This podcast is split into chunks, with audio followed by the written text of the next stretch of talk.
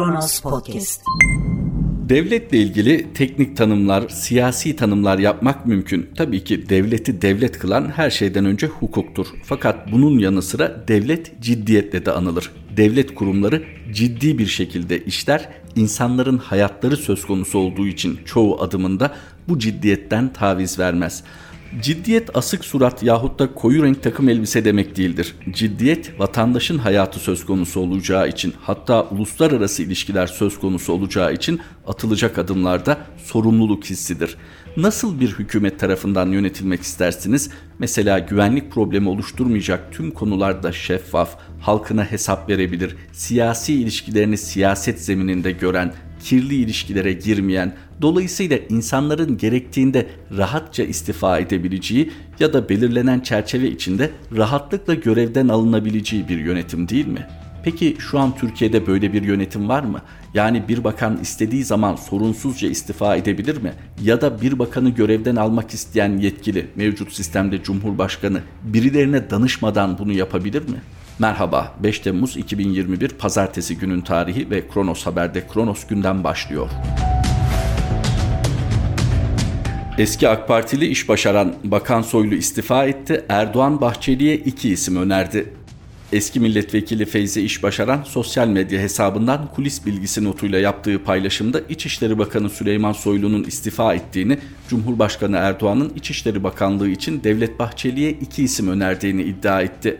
Sedat Peker'in karakolda dövdürdüm dediği eski AK Parti milletvekili Feyzi İş Başaran'ın paylaşımı şöyle. Kulis bilgisi Süleyman Soylu istifa etmiş, affını istemiş, Erdoğan İçişleri Bakanlığı için Bahçeli'ye iki isim önermiş pazar günü AK Parti kulislerinin hareketli olduğu sosyal medyaya yansımıştı. Bu hareketliliğin nedeni olarak da organize suç örgütü lideri Sedat Peker'in İçişleri Bakanı Süleyman Soylu ile ilgili iddiaları olduğu konuşulmuştu.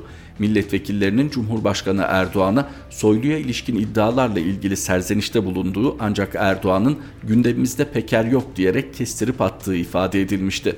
Ancak Erdoğan'ın Soylu'yu görevden almak için uygun zamanı beklediği ileri sürülmüştü. Soylu'nun şu anda görevden alınmaması ya da istifa ettirilmemesinin tek nedeninin MHP Genel Başkanı Devlet Bahçeli'nin terörle mücadelenin aksayabileceği, bunun da Türkiye'ye zarar verebileceği gerekçesiyle Soylu'nun arkasında durması olduğu ifade ediliyordu. AK Parti içinde Soylu ile Türkiye Büyük Millet Meclisi Başkanı Mustafa Şentop görüşmesinde de Soylu'nun Şentop'a verdiği yanıtın tatminkar bulunmadığı konuşulurken Soylu'nun Peker'den ayda 10 bin dolar alan siyasetçi var sözlerinin ardından başta CHP Genel Başkanı Kemal Kılıçdaroğlu olmak üzere muhalefetin Şentop'a yüklendiğine dikkat çekilmiş, AK Partili milletvekillerinin de töhmet altında kaldığı kaydedilmişti. Öte yandan kulislerde son olarak Erdoğan'ın asayişle ilgili briefingi de Soylu'dan almadığı konuşuluyor. Soylu'nun yerine Milli İstihbarat Teşkilatı Müsteşarı Hakan Fidan'dan briefing aldığı iddia ediliyor. Hakan Fidan, MİT Müsteşarı, Hakan Fidan, Cumhurbaşkanı Recep Tayyip Erdoğan'ın sır küpü, taşıdığı kimlik itibariyle Cumhurbaşkanı'na böyle bir briefing vermesinde anormallik yok. Fakat anormal olan normal şartlarda İçişleri Bakanı tarafından verilen briefingin, yapılan bilgilendirmenin şimdi neden MİT Müsteşarı tarafından yapıldığına verilecek cevaptır. Elbette mevcut sistemde Cumhurbaşkanı rahatlıkla çıkar der ki kimden briefing alacağımı size mi soracağım? İçişleri Bakanı Süleyman Soylu'nun adı özellikle organize suç örgütü lideri Sedat Peker'in videolarından sonra tamamen kriminal mevzularda anılmaya başlanmadı mı? Organize suç örgütü lideri Sedat Peker'in de ağzı torba değil ki büzesin. O da yalan söylüyor olabilir yahut ona gelen bilgiler yanlış olabilir. Bunların hepsi mümkün. Fakat bir hukuk devletinde iddia sahibi kim olursa olsun hukuk devletini temsil eden kişi bunların doğru olmadığını rahatlıkla ispat edebilir. İçişleri Bakanı Süleyman Soylu hatırlayacaksınız bir hafta sonu kısıtlamasını geç saatte açıkladığı için vatandaşın mağduriyetine sebep olduğundan ve bu mağduriyetle ilgili şikayetlerin de Cumhurbaşkanı'nı hedef almasından rahatsız olduğundan istifa etti. Kabul etti mi Cumhurbaşkanı? Bu fedakarane yaklaşım kabul edilebilir mi vefalı bir büyük tarafından? Tabii ki kabul edilmedi ve Süleyman Soylu o zamanki tabirle güçlenerek devam etti vazifesini. Nispeten küçük sayılabilecek bir meselede istifa edebilen İçişleri Bakanı Sayın Süleyman Soylu adı fevkalade kriminal işlere karışmışken niçin istifa etmiyor? Bu kulislere yansıdığı şekliyle kendisinin ifade ettiği gibi suçlu olduğunu kabul anlamına gelmez. Tam tersi alnım ak başım dik beni yargılayabilirsiniz demek için koruma zırhından kurtularak yargıya niçin teslim olmuyor? Bakınız 20 sene önce işlenmiş küçük bir kusurdan, kabahatten yahut da suçtan bahsetmiyoruz normal şartlarda sadece İçişleri Bakanı'nın istifasıyla değil belki de hükümetin koltuğunu terk etmesiyle neticelenebilecek iddialar sanırsınız prime time'da izlenen entrika dolu bir dizi. Hayır bunlar gerçek. Yaşadığımız hayatın içinde bu hayatı son derece zorlaştıran, güçleştiren ve kirlendiren gerçekler. Sedat Peker Angola Devlet Başkanı'ndan söz etmiyor yahut da İsviçre İçişleri Bakanı'ndan söz etmiyor. Sedat Peker somut iddialarda bulunuyor ve bir hukuk devletinde bu somut iddialar yer, zaman, şahıs bildiren somut iddialar mutlaka hukukun konusu olur. Yok bunlar hukukun konusu olmayacak, olmaz, olmamalı derseniz akla bir tek ihtimal gelir kurduğunuz ilişkinin siyasi bir ittifakla ilgisi yok. Tamamen bir suç ortaklığı içerisindesiniz. Öyle kirli ilişkileriniz var ki bir bakanı alenen suçlanmasına rağmen görevden alamıyorsunuz. Söz konusu bakanda ya iddialar doğru olduğu için ya da aklanabileceği bir yargı kalmadığı için kıpırdamıyor bile. Tüm bunlar hukukun olduğu kadar ahlakın da ilgi sahasına giriyor. Ama hukukla kim ilgileniyor, ahlak kimin ilgisini çekiyor ayrıca tartışılır. Maalesef bugün ülkedeki temel sıkıntı ise söylenenlerin ahlaki açıdan hayatta karşılığının olmaması mevzuatta yazılı kural ve kanunlarında siyasi tercihe göre yürürlükte olması başlı başına bir ahlak problemi ve bu ahlaki çözülme bu denli geniş bir sahaya yayılmışsa bunda galiba kurumlarında büyük suçu var. Her şeyden önce uhdesinde ahlakla ilgili bir takım vazifeler bulunan kurumlardan söz ediyoruz. Neticede din dediğiniz güzel ahlaktan bağımsız sadece bir ibadetler bütünü mü? Kesinlikle değil. Tam bu noktada Ayhan Tekineş'in satırlarını aktaralım. Ahlakiliğin yitirilmesi. Davranışlarımızın ahlakiliğini belirleyen unsurlardan birisi niyettir. Niyetlerimiz davranışlarımızın etik değerini belirler. İç niyetin sübjektif boyutu kişisel sorumluluk alanına girer ama davranışları harekete geçiren niyetin somut sonuçları objektif olarak değerlendirilebilir. Bir eylemin kendisi ve amacı niyeti gösterir. Niyet hakkında ipuçları taşır. Etik niyete, hukuksa söz ve eyleme odaklanır. Eylem ve sözün maksadı yani hizmet ettiği amaçsa hukukla etiği bir araya getirir.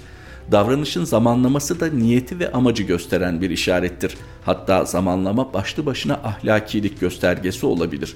Bir söz veya davranış farklı zamanlarda farklı amaçlara hizmet edebilir. Bundan dolayı bir söz ya da davranışın doğru olması her zaman ahlakiliğini garanti etmez.'' Bir şeyi yapmak ve konuşmak eylem, fiil olduğu gibi ihmal etmek ya da sükut da dolaylı olarak eylemdir. İhmal ettiğimiz fiillerden ve söylemediğimiz sözlerden yargılanmayız ama ahlaki açıdan sorumlu oluruz. Hatta bazı davranışların ve sözlerin anlamını ve değerini büyük ölçüde ihmal edilen eylemler ve söylemekten kaçınılan sözler belirler. İhmal edilen davranışlar fiillerimizi kuşatan çerçeve gibidir. İlk yardıma muhtaç yerde yatan bir insanın yanından onun acısına hiç aldırmadan çekip gitmemiz, kırmızı ışıkta yanlışlıkla karşı kaldırıma geçmeye çalışan, gözleri görmeyen bir kişiyi uyarmamamız bizi ahlaken sorumlu yapar. Bir sözün ve davranışın anlaşılmasında kontekst de son derece önemlidir. Söylenmesi gerekirken söylenmeyenler de sözün bağlamını belirleyen etkenlerdendir. Neleri söylediğimiz kadar hangi durumlarda sükut ettiğimiz de niyetimizi ele verir doğru bir söz ya da masum bir davranış zamanlaması ve o anda hizmet ettiği amaçları açısından gayri ahlaki olabilir. Geçtiğimiz günlerde Diyanet İşleri Başkanı sigara hakkında bir açıklama yaptı. Sigaranın dinen haram olduğunu söyledi. Sağlık açısından düşünüldüğünde saygı duyulması gereken bir hassasiyet olarak her kesimin destekleyebileceği bu görüş, fetva tepki çekti ve sert bir üslupla eleştirildi. Zira zamanlama açısından hükümetin sigara ve tütün hakkında uygulamaya çalıştığı politikalarını desteklemek amacıyla yapılmış bir açıklama olarak algılandı. Yıllar sonra kontekstinden bağımsız olarak ele alındığında muhtemelen doğru kabul edilecek bu açıklama zamanlaması açısından ele alındığında ise dinin politikacıların elinde tahrif edilişinin ve dini bir önderin muktedirlerin gözüne girmek için iç politikayı fetvalarla destekleme örneği olarak hafızalara kazındı.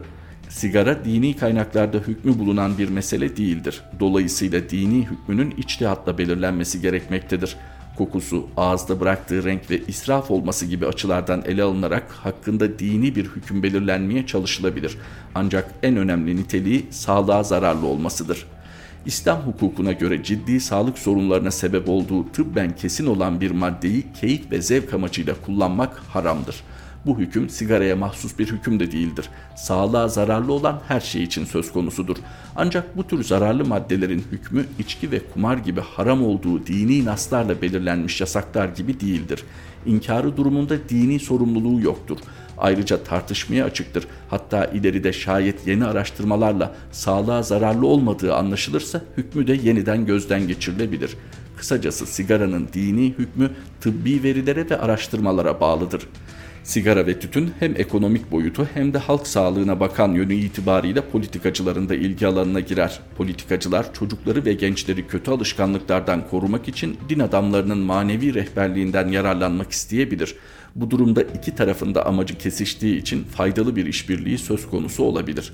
Ancak bu durumda din adamlarının tutumunun ahlakiliğini dinin politikacıların itibarı için araç haline getirilmemesi belirler. Bunun göstergesi de din adamlarının benzer konularda nasıl davrandığıdır.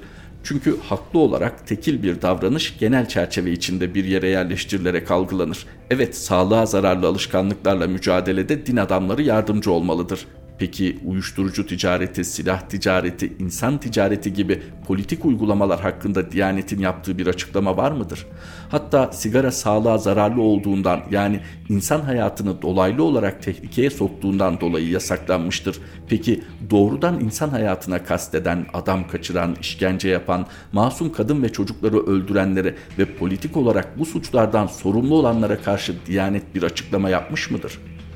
Dini hükümlerin yalnızca bazı meselelerde hatıra gelmesi, politikacıları eleştirme ihtimalini hatıra getirebilecek konularda dini hassasiyetlerin bir kenara bırakılması, dinin politik bir araca dönüştüğünün ve dini kurumların politik bir aparat haline geldiğinin bir göstergesidir. Bu durumda dini kurumların hiç konuşmaması bile bazen konuşmasından daha az dine zarar verir dünya uyuşturucu ticaretinin merkezi haline gelmiş, politikacıların gelecekte siyasi parti kurmak ya da rakiplerini satın almak için uyuşturucu ticaretini desteklediği ya da ondan pay aldığı bir ülkede uyuşturucu ticareti hakkında susup sigarayla alakalı konuşmak, bir söz ya da davranışın ahlaki olmasında zamanlamanın ne derece önemli olduğunu da göstermektedir. Hasılı ahlakilik imkanı ortadan kalktığında konuşmakta anlamını yitirmektedir.'' Ayhan Tekineş'in yazısıydı. Onun işaret ettiği bu bozulmanın tabii failleri var. İşte onlar bu bozulma esnasında elde edecekleri karı, çıkarı, haksız kazancı muhafaza içinde bir takım kurbanlara ihtiyaç duydu. Fikri Doğan da o kurbanlardan birinin portresini aktarıyor. Zeki Müdür'ün ardından. Takvimler 2010'u gösteriyordu sanırım. Dönemin Başbakanı Erdoğan'a elinde açık bir laptopla gelen şahıs şimdinin Sanayi Bakanı Mustafa Varank'tı. O dönemde Erdoğan'ın danışman kadrosu içinde yer alan Varank'ın geldiğini gören Erdoğan yan odaya geçerken kapıyı kapatın içeriye de kimseye almayın diyor. Sonra da gözlüğünü takıp malum görüntüleri izliyordu. Neydi malum görüntüler?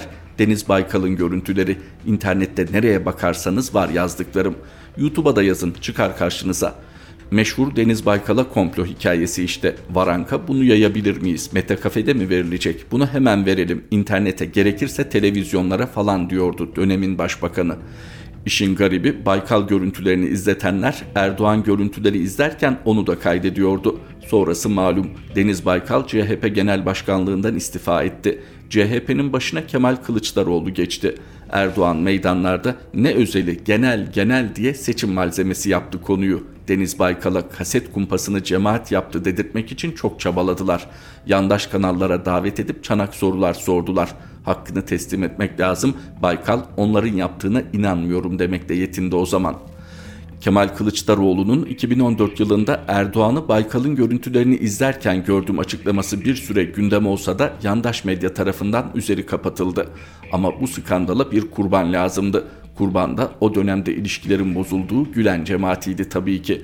Koro halinde Baykal'a kaset kumpasını cemaatin yaptığı yaygarası başlatıldı yandaş medyada. Manşetler, televizyon haberleri, açık oturumlar birbirini izledi. Kamuoyu oluşturulduktan sonra iddianameler hazırlandı, mütalalar tamamlandı ve 171 sanıklı kaset kumpası davası açıldı. 171 kişi içinde ise bir isim ısrarla ön plana çıkartılıyordu. Eski Ankara İstihbarat Şube Müdürü Zeki Güven. Zeki Güven ismini ilk duyduğumda hadi tam tarih söyleyeyim takvimler 2 Temmuz 2018'i gösteriyordu. İki polisin kollarına girdiği elleri kelepçeli biri teslim olmuş halde tebessüm ediyordu fotoğrafını çekenlere. Mütebessim çehresi dikkatimi çekince merak edip araştırdım. Biraz araştırınca da sakalı uzamış, yorgun ama başı dik adamın aslında yanındakilere değil Allah'a teslim olduğu için tebessüm ettiği geldi aklıma. Zeki Güven'di o adam. Eski Ankara İstihbarat Şube Müdürü Zeki Güven. Yandaş medyanın tabiriyle FETÖ'nün altın çocuğu Zeki Güven. Bolu Emniyet Müdür Yardımcısı iken teşkilattan atılan Zeki Güven ve eski hakim eşi Sevda Güven Eskişehir'de bir alışveriş merkezinin otoparkında filmleri aratmayacak bir operasyonla yakalanmışlardı. Aylardır takip edilen çiftin evinden 14 bin avro çıkmıştı. Sıfırladınız mı diye soran babasına sıfırlayamadık babacım 30 milyon avro kadar kaldı diyenleri görmezden gelenler 14 bin avroyu manşetlere taşıyordu. Zeki Güven onlara göre FETÖ'nün emniyet yapılanmasının tepe isimlerinden biriydi ve Zeki Güven MHP'lilere ve Deniz Baykal'a kurulan kaset kumpaslarının bir numaralı organizatörüydü. Yandaş medya ve yandaş yorumcular ballandıra ballandıra işliyordu mevzuyu. Show Haber'de her akşam daldan dala atlayan maymun, taklı atan köpek haberi sunan Ece Üner bile Baykal'a kaset kumpası kuran FETÖ'nün altın çocuğu Zeki Güven bu sabah yakalandı diye sunuyordu haberi. Aradan 40 gün kadar geçti. Ajanslara bir haber daha düştü. FETÖ'nün altın çocuğu Zeki Güven hücresinde ölü bulunmuştu. Kalp krizi dediler ölüm sebebine. Hatta Oda TV FETÖ konuşmasın diye susturdu haberleri bile yaptı. Halbuki Zeki Güven sorgusunda hem Baykal'a hem de MHP'li vekillere yapılan kaset kumpaslarıyla ilgili suçlamaları reddetmişti. Sessiz sedasız küçük bir cemaatle toprağa verildi Zeki Güven. Peki kimdi iktidarın yok etmek için tepindiği altın çocuk Zeki Güven? Zeki Güven Bilecik'in Yeni Pazar ilçesinde doğduğunda takvim 1970'i gösteriyordu. Sakin, ağırbaşlı ve çalışkan bir çocuktu küçüklüğünde. Aynı zamanda çok başarılıydı. Babası da polisti ve o da babası gibi polis olmak istiyordu. Dereceyle girdiği polis akademisinden 1992 yılında dönem birincisi olarak mezun oldu. Terörle mücadele ve istihbaratta çalıştı bir süre. 2001 yılındaki Hizbullah operasyonunu yöneten ekibin içindeydi. Ankara'da 2002'de patlayan telekulak skandalını ihbar eden polis şefiydi. 2010'da Ankara İstihbarat Şube Müdürü, 2011'de Şırnak İl Emniyet Müdür Yardımcısı oldu. Şırnak Emniyeti aynı sene yılın emniyet teşkilatı seçildiğinde ödülü Cumhurbaşkanı Gül'den aldı Zeki Güven. 2013'te Bolu Emniyet Müdür Yardımcısı iken 17-25 Aralık yolsuzluk operasyonları sonrası görevden alındı. Onu tanıyanlar yakalandığı günkü gibi hep mütebessimdi yüzü diye anlatıyor Zeki Güven'i. Eşi Sevda Güven'i akademi okurken tanımış, sonrasında mütevazı bir nikahla evlenmişlerdi. Reyyan ve Ahmet'in babasıydı Zeki Müdür. 2014'te vefat eden babasının cenazesine arandığı için katılamamıştı. Ama düzenin polisleri cenazeyi basmıştı onu yakalamak için. Sincan'da hücreye atılan Zeki Güven haksızlığa ancak 40 gün dayanabilmişti. Ve gelelim asıl noktaya. Yakınlarının ifadesiyle ilk ifadesinde dönemin başbakanı Erdoğan'ı işaret etmişti Zeki Güven. Aradan uzun zaman geçti ve Allah'ın adaleti yine şaşmadı. Sedat Peker ard arda videolar yayınlamaya, seri halde tweetler paylaşmaya başladı. Gün geldi konu Sezgin Baran Korkmaz'dan nemalandığı için Peker'in radarına takılan bir isme Korkmaz Karaca'ya. Peker, Korkmaz Karaca'dan muhabbet tellalı ve Baykal'ın pezevengi diye bahsediyordu. Peki kimdi bu Korkmaz Karaca? Karaca'nın CV'sinde Cumhurbaşkanlığı Ekonomi Politikaları Kurulu üyesi AK Parti Genel Merkez Yönetimler Başkan Yardımcısı yazıyordu. Sonra Korkmaz Karaca'nın bütün kirli çamaşırları döküldü. Karaca'nın iktidarda yakın olmadığı kimse yoktu ve zat-ı muhterem siyasetin meşhur muhabbet tellalıydı. Ne hikmetse AK Parti'de üst kademelere kadar yükselmişti.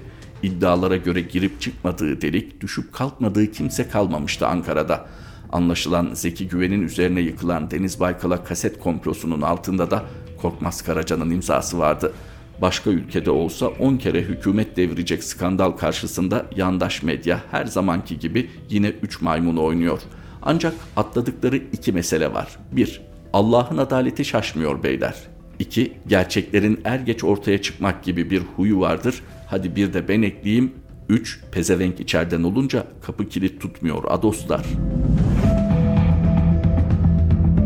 Fikri Doğan imzalı satırlarla Kronos gündemin sonuna geldik. Kronos Haber'de tekrar buluşmak üzere. Hoşçakalın. Kronos Podcast